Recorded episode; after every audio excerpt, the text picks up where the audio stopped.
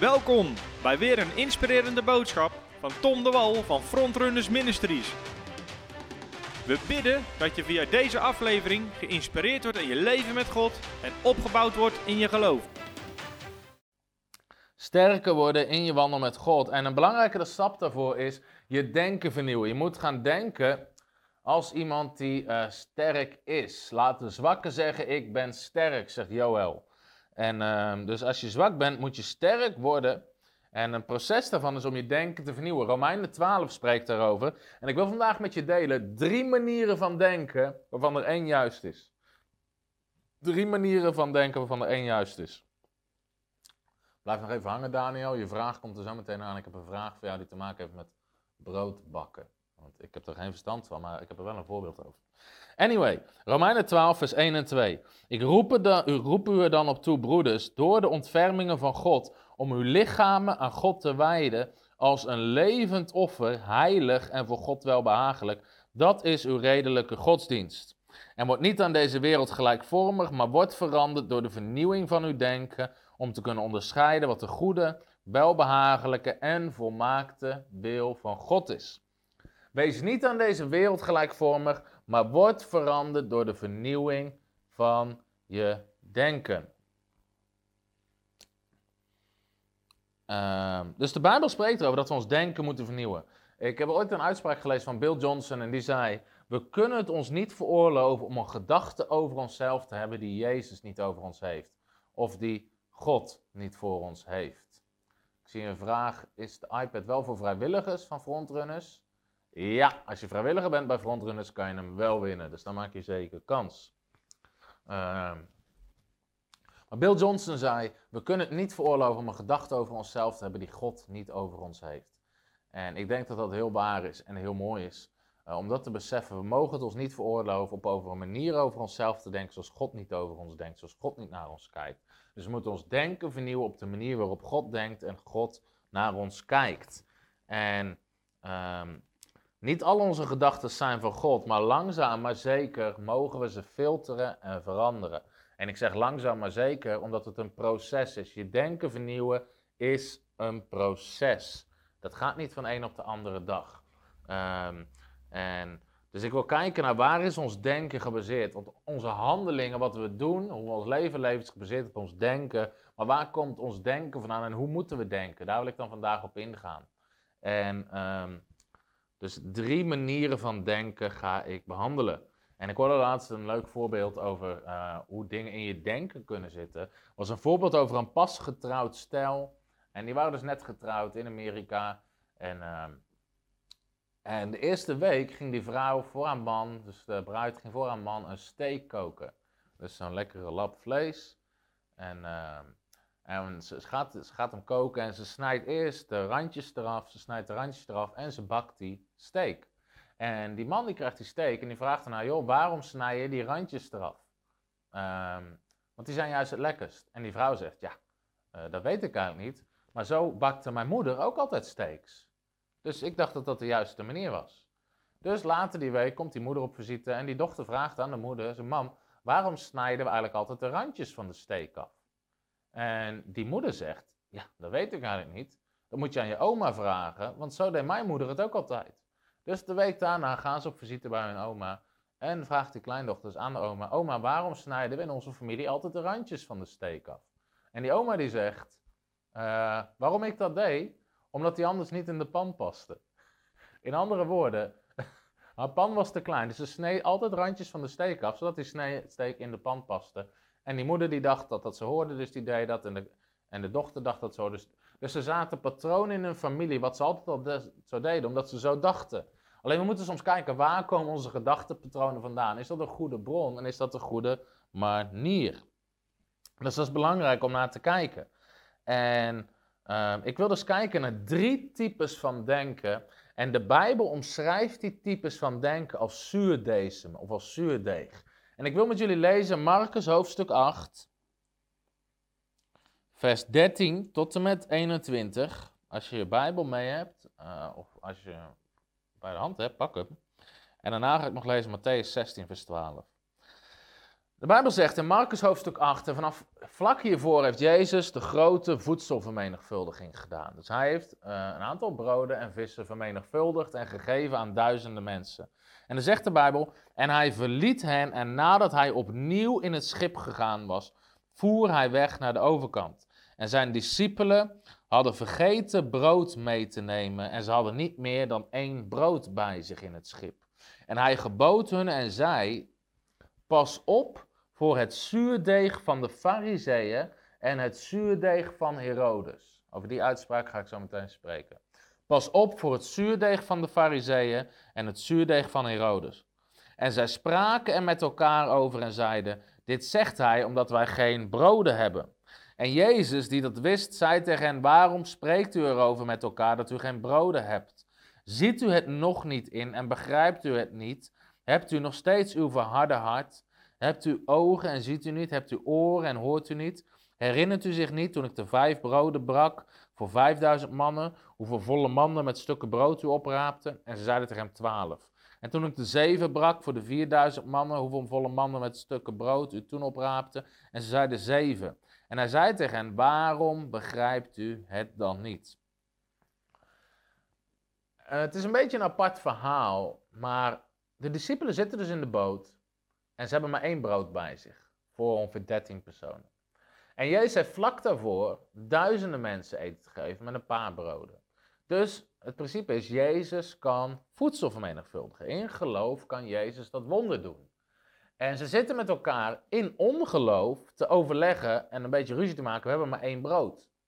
En Jezus reageert daarop door te zeggen: Pas op voor het zuurdesem van de Fariseeërs en het zuurdesem van Herodes. Wat een rare reactie. In eerste instantie zou je denken. En de discipelen denken dus, oh, hij zegt dit, zuurdesem, brood, omdat we niet genoeg brood mee hebben. En dan begint Jezus hun geloof uit te dagen, veel, ik heb toch al zoveel wonderen gedaan op dit gebied. Later begrijpen ze waarom Jezus dit zegt. Want zegt Matthäus 16, vers 12, toen begrepen zij dat hij, dat hij niet gezegd had dat ze op een hoede moesten zijn voor het zuurdesem van het brood, maar voor het onderricht, voor het onderwijs van de Farizeeërs en de Sadduceeën.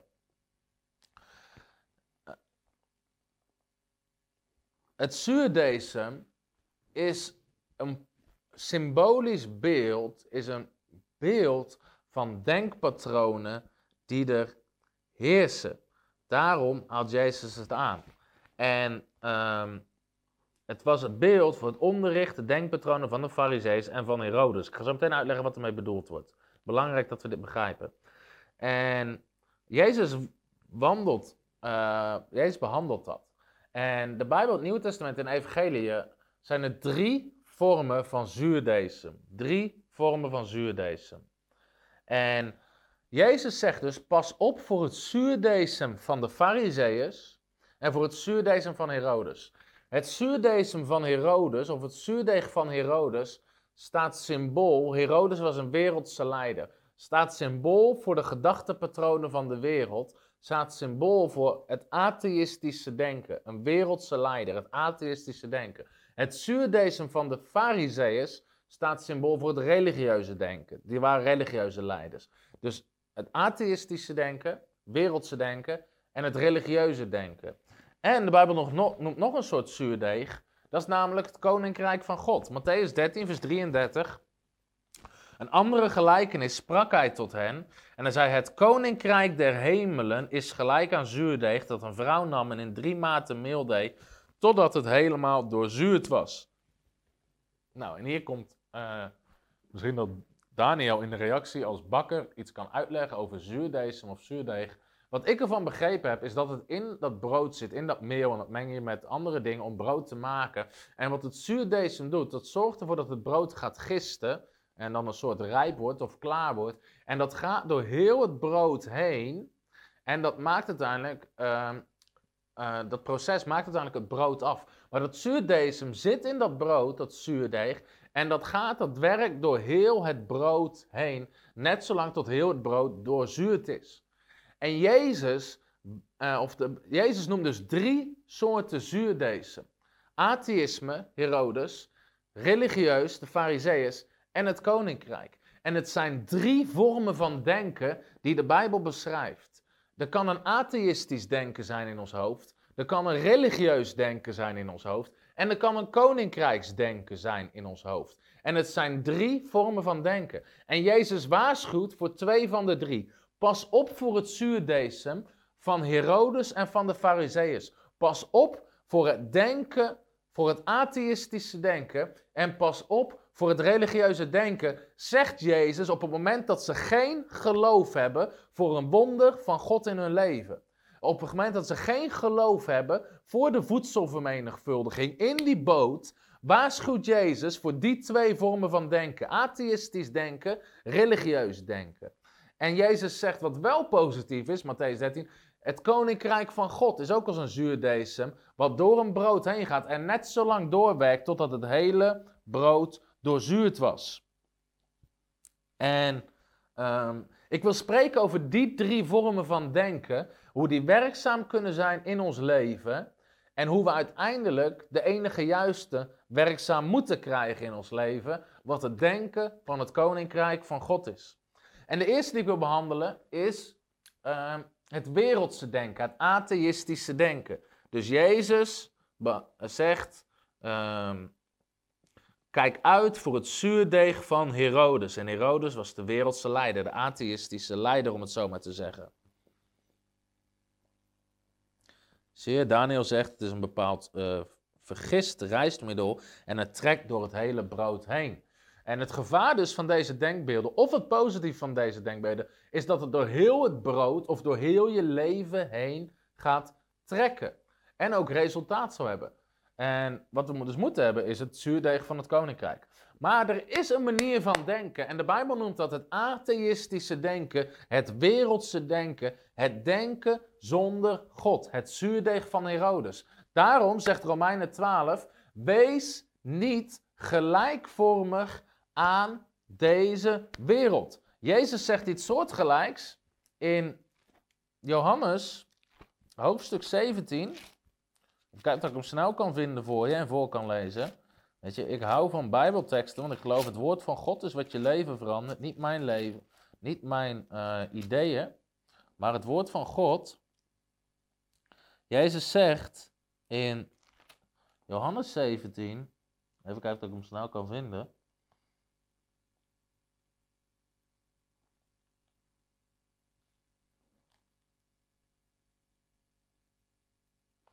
Daar zegt hij, ehm, we zijn wel in de wereld, maar we zijn niet van deze wereld.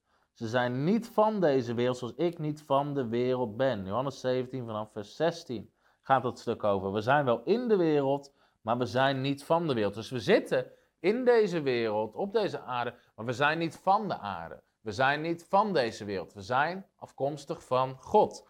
En Romeinen 12, vers 2 zegt dus: Wees niet gelijkvormig aan deze wereld. En Jezus waarschuwt en Paulus waarschuwt in zijn brieven voor een denkbeeld zonder God erin. En dan kan je hem misschien zeggen: um, wat is eigenlijk het kenmerk van atheïsme? Dat er geen God is die betrokken is bij de wereld. En dus ook niet bij jouw leven. En Jezus en Paulus waarschuwen allebei voor deze vorm van denken. En dan zou je kunnen denken, ja maar Tom, hoe kan een christen nou een atheïstisch denken hebben? Twee woorden. Eigen kracht. Eigen kracht.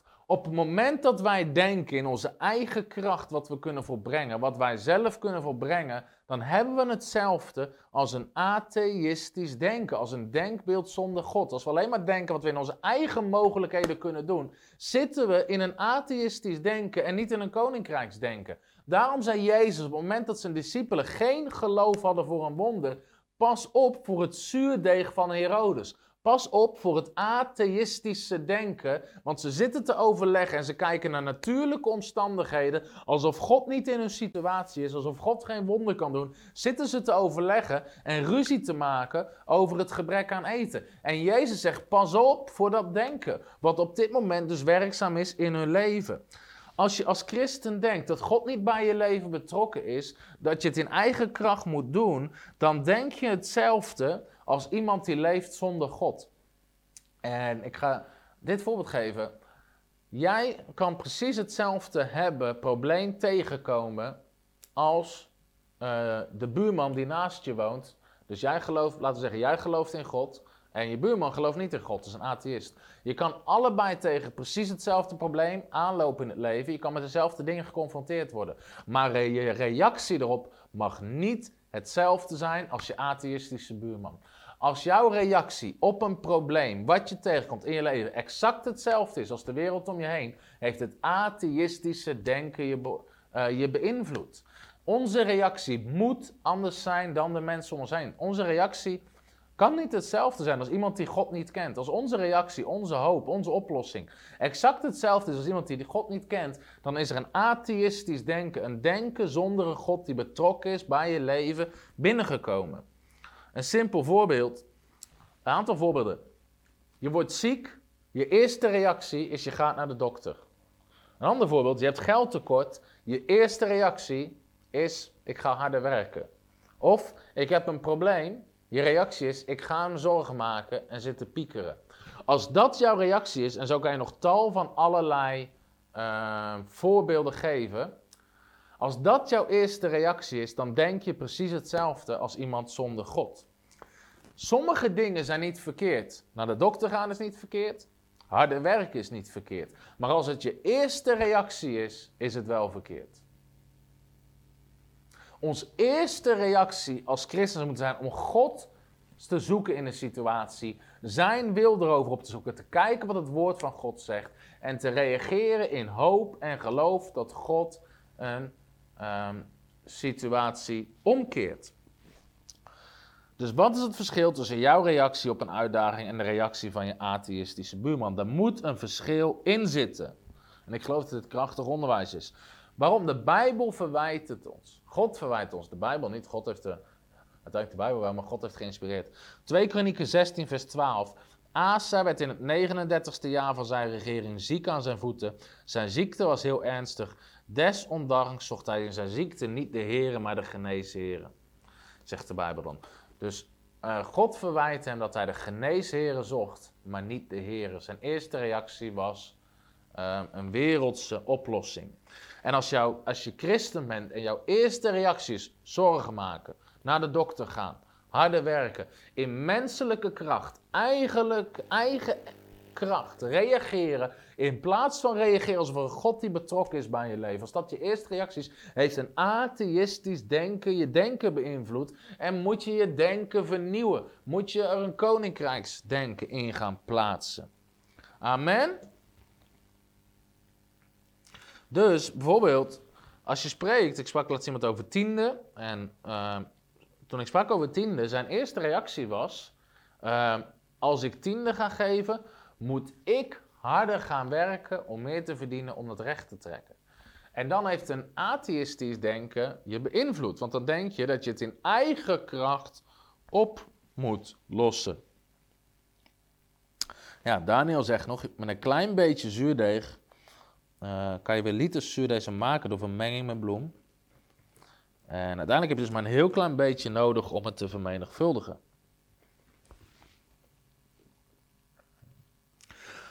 Maar we moeten dus ons denken vernieuwen en geen atheïstisch denken, geen wereldsdenken. Onze eerste reactie moet zijn vertrouwen op de Heer, God zoeken en zijn antwoord vinden.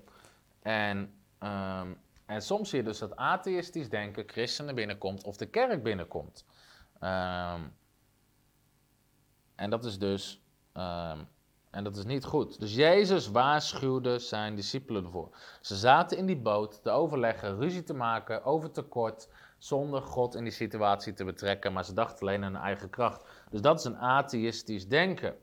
De tweede manier waar Jezus voor waarschuwt, en dit is een groot in het leven van christenen, is een religieus denken. Jezus zegt: Pas op, wees op je hoede voor het zuurdesem van Herodes atheïstisch denken en voor het zuurdezen van de fariseeërs, religieus denken. En Jezus waarschuwt ons dus voor denken in religie. Dat ons denken beïnvloed wordt door religie. En christendom, ik weet het staat beschreven een van de wereldreligies, maar christendom is geen religie. Christendom is een levende relatie met God. En christendom, religie is namelijk mens, menselijke kracht, God zoeken. Terwijl God zocht in al zijn kracht ons. Al zo lief had God de wereld dat hij gaf zijn enige geboren zoon. God was op zoek naar de mens. De mens was niet op zoek naar God. De Bijbel zegt er was niemand die God zocht. Helemaal niemand. Maar God zocht ons. God stuurde zijn zoon om iedereen te redden. Om iedereen weer bij hem te krijgen. God zijn hart gaat uit naar de mens. Religie is een eigen kracht. God zoeken. Mensen die God zoeken. Maar christendom is God die de mens zocht. Maar, uh, dus een denken waar Jezus voor waarschuwt is een religieus denken. Denken in religie. En de Bijbel zegt dit in 2 Timotheus 3, vers 5 over religie. Dat zegt de Bijbel. Er zijn mensen en die hebben een schijn van godsvrucht. Het ziet er godsdienstig uit, maar ze hebben de kracht ervan verlogend. Het ziet er religieus uit, het ziet eruit alsof het God dient, maar er zit geen kracht in. Er zit geen kracht in. En dat is de kern van religie. Het ziet eruit alsof het God dient, maar er zit geen kracht in. En de Farizeeërs dachten God te dienen. Ze dachten oprecht God te dienen. Door zich aan allerlei wetten te houden in eigen kracht.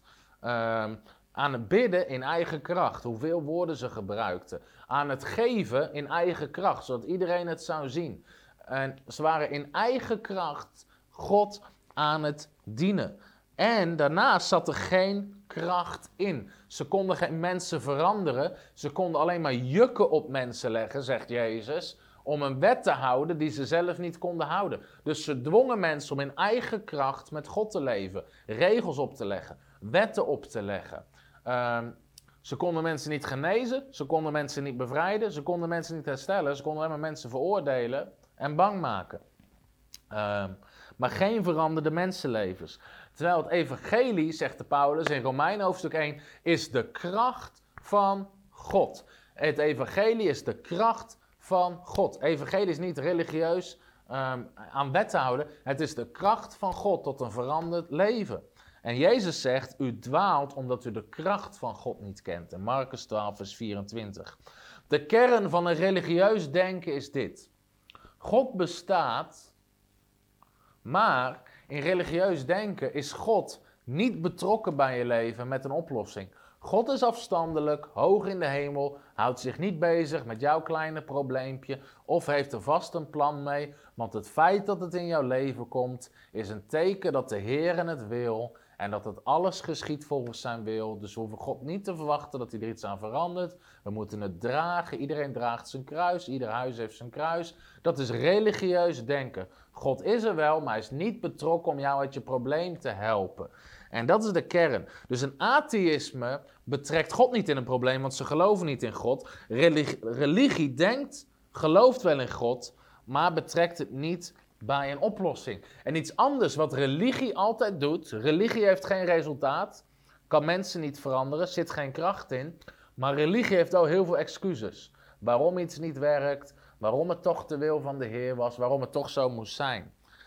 Uh, een atheïst zegt bijvoorbeeld: Ik heb geen geld, uh, en dan is het zo.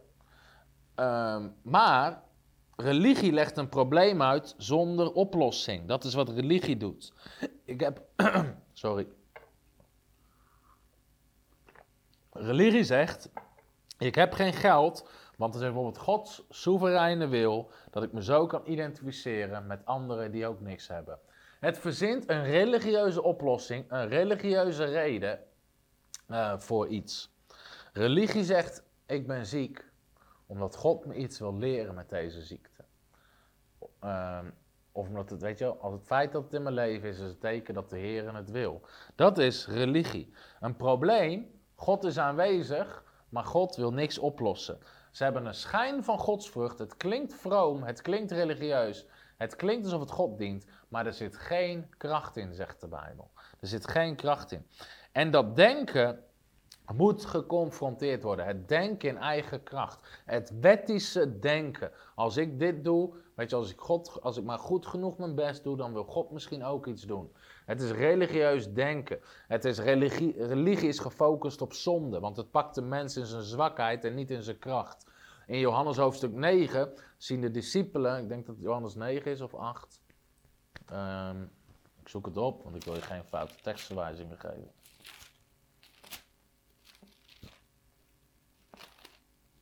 Ja, Johannes hoofdstuk 9, zien ze iemand die blind is, zelfs de discipelen van Jezus, en ze zeggen, en ook de fariseeën zegt in hetzelfde hoofdstuk, wie heeft er gezondigd? Hij of zijn ouders? Dus in andere woorden, hij is blind, er is geen oplossing, want het is vast het gevolg van zonde, weet je wel, en, en daardoor heeft hij dat probleem in zijn leven.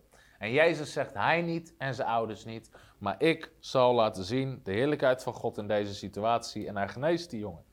Maar dat is religieus denken. Dus dat is de kern van religie.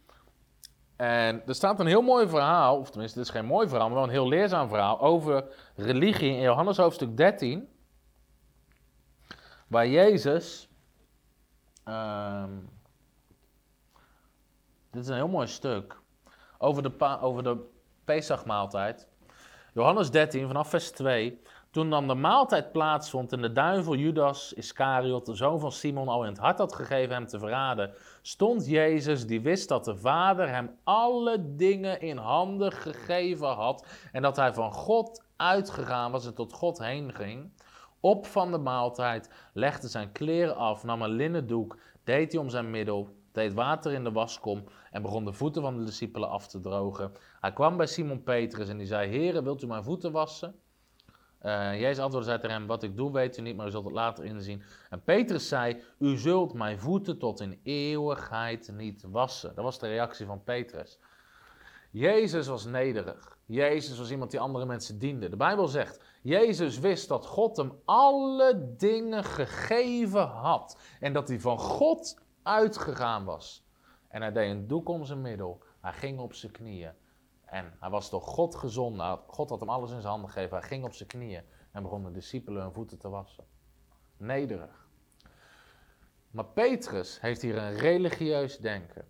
Hij zegt, Heer, u zult tot in eeuwigheid mijn voeten niet wassen. Dit is heel vaak de kern van religie. En let op wat ik nu ga zeggen. Religie, religieuze mensen hebben er geen problemen mee om God te dienen. Ze hebben er wel een probleem mee als God hun wil dienen. Petrus zei, Heere, u zult mijn voeten niet wassen. Petrus had er geen probleem om Jezus te dienen. Hij zei, ik zal alles voor u doen. Maar hij had er wel in één keer probleem als Jezus hem wilde dienen. Religieuze mensen hebben er geen probleem om van alles voor God te doen. Maar ze vinden het vaak heel lastig als God iets voor hen wil doen. Nee, nee, nee, nee, nee. Valse nederigheid, valse vroomheid. Dat is de kern van religieus denken. God wil vast niks doen voor jou in jouw leven. God wil vast geen wonder doen. God wil jou vast niet dienen. En Jezus laat zien, hij wil het wel. En de kern van, van religie is, ze hebben er geen probleem om God te dienen, maar wel een probleem als God hun wil dienen. En hun wil helpen. En religie kijkt vanuit de aarde naar de hemel en denkt, ja, God is ook zo ver weg. Weet je, hij zit daar hoog in de hemel, hoog verheven. En hij wil vast zich ook niet bemoeien met mijn problemen. Weet je, en waarom zou hij zich ook bemoeien met als ik hoofdpijn heb, of als ik moeite heb op school met mijn cijfers, of als het bij mij niet lekker gaat op mijn werk, is God vast niet in geïnteresseerd. Hij heeft heel de aarde te bestuderen. Weet je, dat is wat religie doet. Het houdt God ver en afstandelijk. En als we die mensen gaan bidden, klinkt het ver en afstandelijk. Dan klinkt het als, och heren, hoog verheven. Weet je, hun stem verandert. Op het moment dat ze naar hun hemelse vader toe gaan, verandert hun stem. En dat zegt al iets over dat het ongezond is. Als mijn, mijn, mijn zoontje is drie weken, dus hij kan nog niet praten. Maar als hij als die later kan praten, en hij praat met iedereen in een normale stem, maar als hij met mij, zijn vader, wil praten, zegt: Och vader, mag ik toch alstublieft in al uw genade. Als hij zo doet tegen mij, zeg ik: Joh, doe normaal. Praat normaal. Praat met me normaal, zoals je met een ander zou praten. Religie verandert zijn stem om te denken, weet je, het moet zwaar en gewichtig, want God is ver weg en oh, oh, oh. Dat is wat religie doet. Dat is wat religie doet, houdt God ver en afstandelijk. Terwijl de Bijbel zegt, hij is een God van dichtbij. Hij is een God die in je woont, hij is een God die je wil helpen. Dat is hoe God wil zijn. Maar Jezus waarschuwt voor een religieus denken. En religie geeft God heel vaak, dus ongemerkt, de schuld van een probleem. De schuld van een probleem. Uh, want ze leggen het bij God neer, want hij heeft er vast een bijzonder plan mee. Ik ben arm, zodat ik me kan identificeren met mensen die weinig hebben. Of het is de wil van de Heer.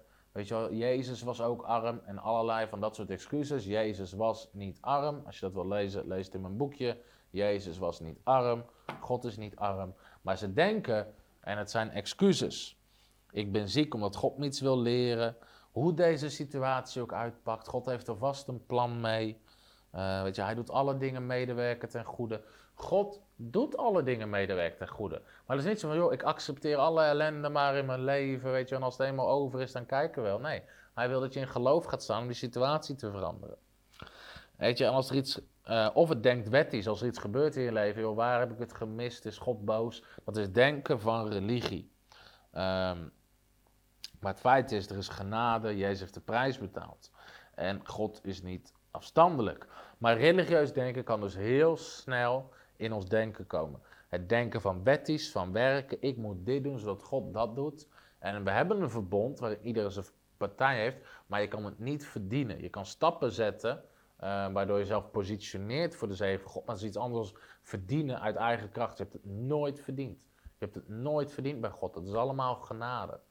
Ehm, of religie houdt God afstandelijk, of wettisch, of het legt een probleem uit, of ze hebben er moeite mee als God hun leven dienen. Zodra dat in je leven komt, daar waarschuwt Jezus voor. Het religieuze denken. Ze zitten in die boot te discussiëren over die broden, alsof God er niet bij betrokken zou zijn, alsof God geen wonder zou willen doen, alsof God zich niet bekommert om twaalf mensen in een boot met maar één brood. Religieus denken. Daar waarschuwt Jezus voor. Nu, de derde manier van denken die wel goed is. Ook het koninkrijk wordt beschreven als zuurdeeg. Matthäus 13, vers 33 was het. En andere gelijkenis sprak hij tot hen. Het koninkrijk der hemelen is gelijk aan zuurdeeg dat een vrouw nam en in drie maten meel deed, totdat het helemaal uh, doorzuurd was.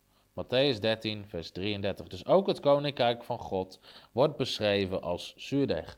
Het koninkrijk van God, het kenmerk van het kenmerk van koninkrijksdenken is dit. God is betrokken. Hij is in elke situatie in je leven en hij wil helpen, hij wil een oplossing geven, hij wil een wonder doen. En we moeten dus leren denken overeenkomstig het koninkrijk. Niet religieus, niet werelds, koninkrijksdenken. Matthäus 6, vers 33.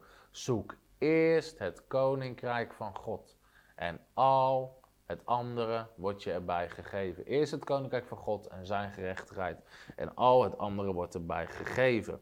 Het koninkrijksdenken denkt niet vanuit de aarde naar de hemel, God ver weg en vast niet betrokken. Nee, koninkrijksdenken beseft dat Jezus Christus naar de aarde is gekomen voor iedereen, voor ieder mens, dat je een relatie hebt met God, dat Jezus opgestaan uit de dood, zit aan de rechterhand van God en dat je met Hem gezeten bent aan de rechterhand van God. Efeze 2, vers 6. Wij zijn met Hem gezeten aan de rechterhand van God in Christus. En religieuze mensen zeggen dan vaak: Nee, dat kan niet, broeder. Je kan niet zeggen dat jij met Christus op de troon zit. Ik zeg het niet, Gods woord zegt het. Efeze 2, we zijn met Hem gezeten op de troon. We zijn met Hem, we zijn met Hem opgestaan uit de dood. We zijn met Hem gekruisigd. We hebben met Hem een nieuw leven ontvangen. We zitten met Hem op de troon. En dat is koninkrijksdenken. Koninkrijksdenken denkt niet van de aarde naar de hemel, Koninkrijksdenken denkt vanuit de hemel naar de aarde. Het besef dat we met Christus gezeten zijn, dat hij alles voor ons over heeft. Romeinen hoofdstuk 8 zegt, als God ons niet zijn eigen zoon heeft teruggehouden, hoeveel te meer zal hij ons niet al het andere geven? Dus een koninkrijksdenken denkt vanuit de hemel. En daarom zegt uh, Filippenzen 4, zegt ook, Broeders, alles wat waar is, wat eerbaar is, wat rechtvaardig is, wat rein is, wat liefelijk is, wat welluidend is, als er deugd in zit, bedenk dat. Hemelse dingen. En Colossense, kijk dat ik het snel kan vinden.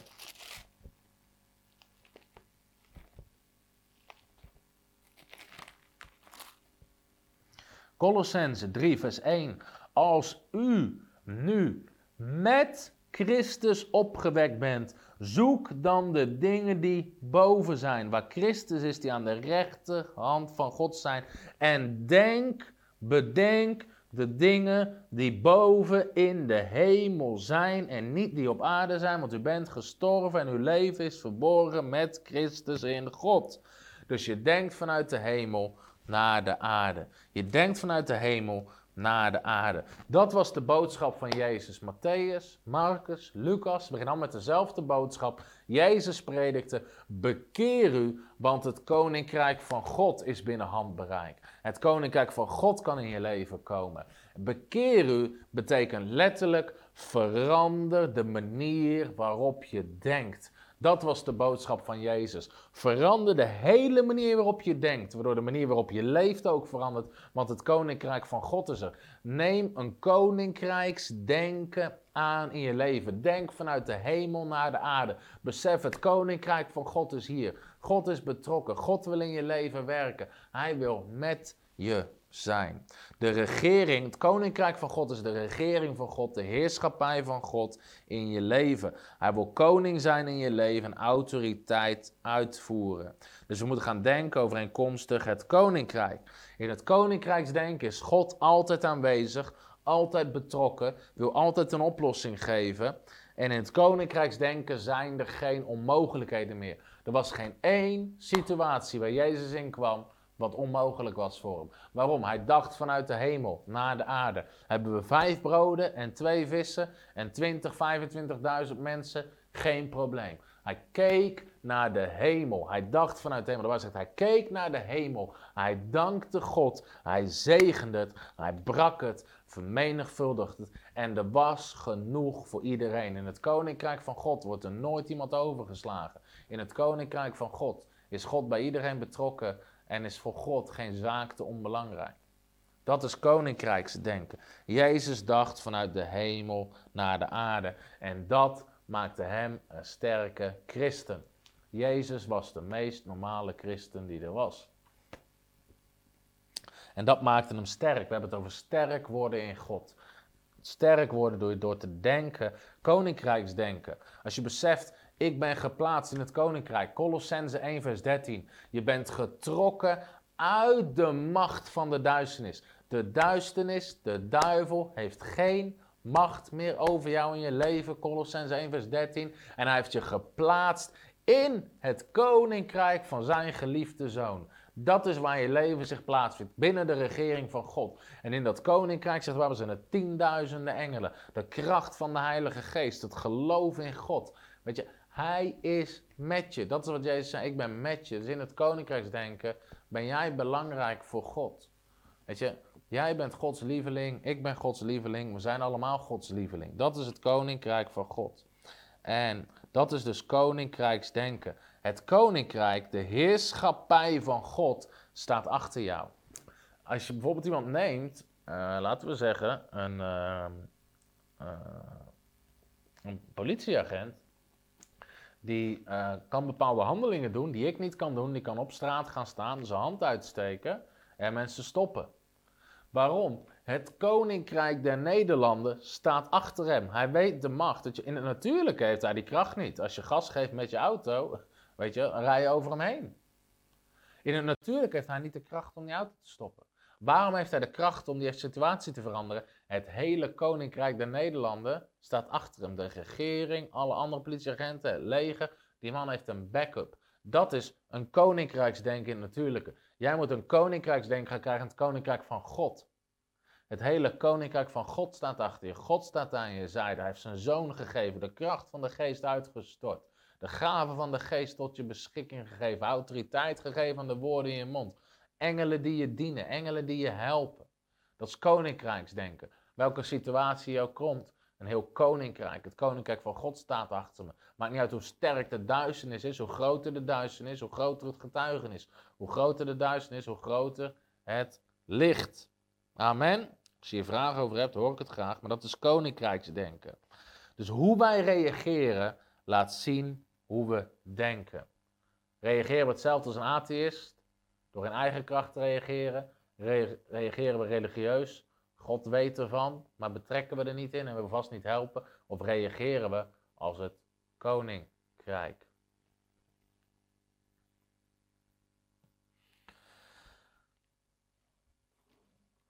Dus het kan niet zo zijn dat als geestvervuld christen op dezelfde manier reageert op een crisis als je atheïstische buurman. Dan heeft dat leven ons te veel beïnvloed. Dus ik geloof erin. Romeinen hoofdstuk 8 zegt, de wereld wacht op het openbaar worden van de zonen en dus dochters van God, om te komen tot dezelfde vrijheid en heerlijkheid als zij hebben in hun leven. De hele wereld, de schepping wacht totdat er een koninkrijks, een koninklijk geslacht, zonen en dochters van God, openbaar worden. Dus je bent een zoon of een dochter van God, je leeft met de Allerhoogste Koning en je zal vanuit daar je denken gaan vernieuwen. Vanuit daar je denken gaan vernieuwen. En dat is dus zo belangrijk. Besef dat je onderdeel bent van een groter koninkrijk. Je bent onderdeel van het plan van God. God staat aan jouw kant. Er is nog een tekst waar ik aan moet denken, die mijn leven veranderd heeft. En die ga ik gewoon met je delen. Want dat is ook belangrijk voor het koninkrijksdenken. Ik geloof dat dit een krachtige uitzending is. Met krachtige openbaringen over de drie zuurdesems die de evangelie noemen. 2 Korinthe 5. Paulus zegt in vers 20: Wij zijn gezanten namens Christus. En de hele context ga ik nu niet lezen, maar hij zegt eigenlijk, een ander staan zegt: We are ambassadors of Christ. We are ambassadors of Christ. Je bent een ambassadeur, een gezant van Christus. Je bent een ambassadeur van Christus. Je bent gezonden door Christus. Jou, jij bent in jouw leven gezonden door Christus. Dat is zelfs wat Jezus zegt. Ga je er twee teksten voor geven. Johannes, hoofdstuk 20.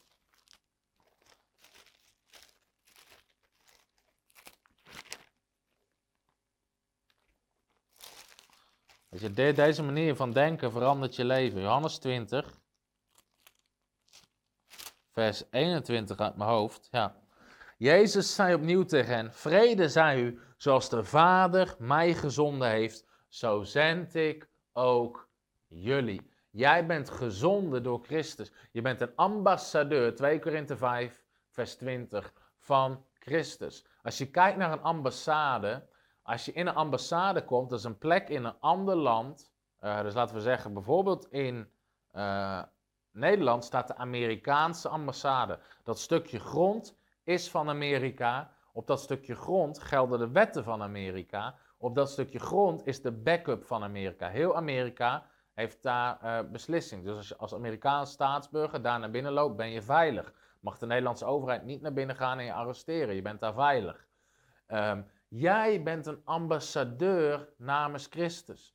Een ambassadeur vertegenwoordigt het land. Als de ambassadeur van Amerika hier naartoe komt, dan staat zijn hele land achter hem. Hij heeft de regering achter zich, het leger achter zich. Hij heeft die mensen achter zich en hij voert de opdracht van de regering uit waarmee hij gezond is. Jij bent een ambassadeur van het koninkrijk. Het hele koninkrijk staat achter je. Ga denken binnen het koninkrijk. Dus ik heb je in deze uitzending drie manieren van denken gegeven. De drie zuurdesems die de evangelie beschrijven, waarvoor twee Jezus, waarschuwt. Het zuurdesem van Herodes waarschuwt Jezus voor, wat het zuurdesem is van de wereld, een wereldse leider. Het zuurdesem van het atheïsme, wereldsdenken, zonder God erin te betrekken. Het zuurdesem van de farisees en de sadducees, religieus denken, God is er wel, maar niet betrokken bij jouw probleem en helpt niet bij jouw probleem. Religieus denken, allebei fout. Atheïstisch denken en religieus denken. En het zuurdesem van het koninkrijk. Het denken in het koninkrijk van God. En als je op die manier gaat denken, word je sterk. Dus ik hoop en ik bid dat deze boodschap je geloof gebouwd heeft. Ik geloof dat er krachtige openbaringen zitten. En dat je die teksten nu beter zal begrijpen. Hallo, Tom de Wal hier en bedankt dat je weer geluisterd hebt naar onze podcast. Ik bid dat het je geloof gebouwd heeft en je bemoedigd bent. Als je niet alleen een luisteraar van onze boodschap wil zijn, maar ook een verspreider daarvan, wil ik je uitnodigen om partner te worden van Frontrunners. Door jouw maandelijkse donatie help je ons om dit evangelie van Jezus Christus en het woord van God over heel de aarde te brengen. Om partner te worden, ga naar www.frontrunnersministries.nl slash partners en word partner. Hartelijk bedankt en tot snel. Heb je ook zo genoten van deze inspirerende boodschap van Tom de Wal? Abonneer je dan op deze podcast. Volg ons op Facebook en op Instagram en kijk op onze website frontrunnersministries.nl.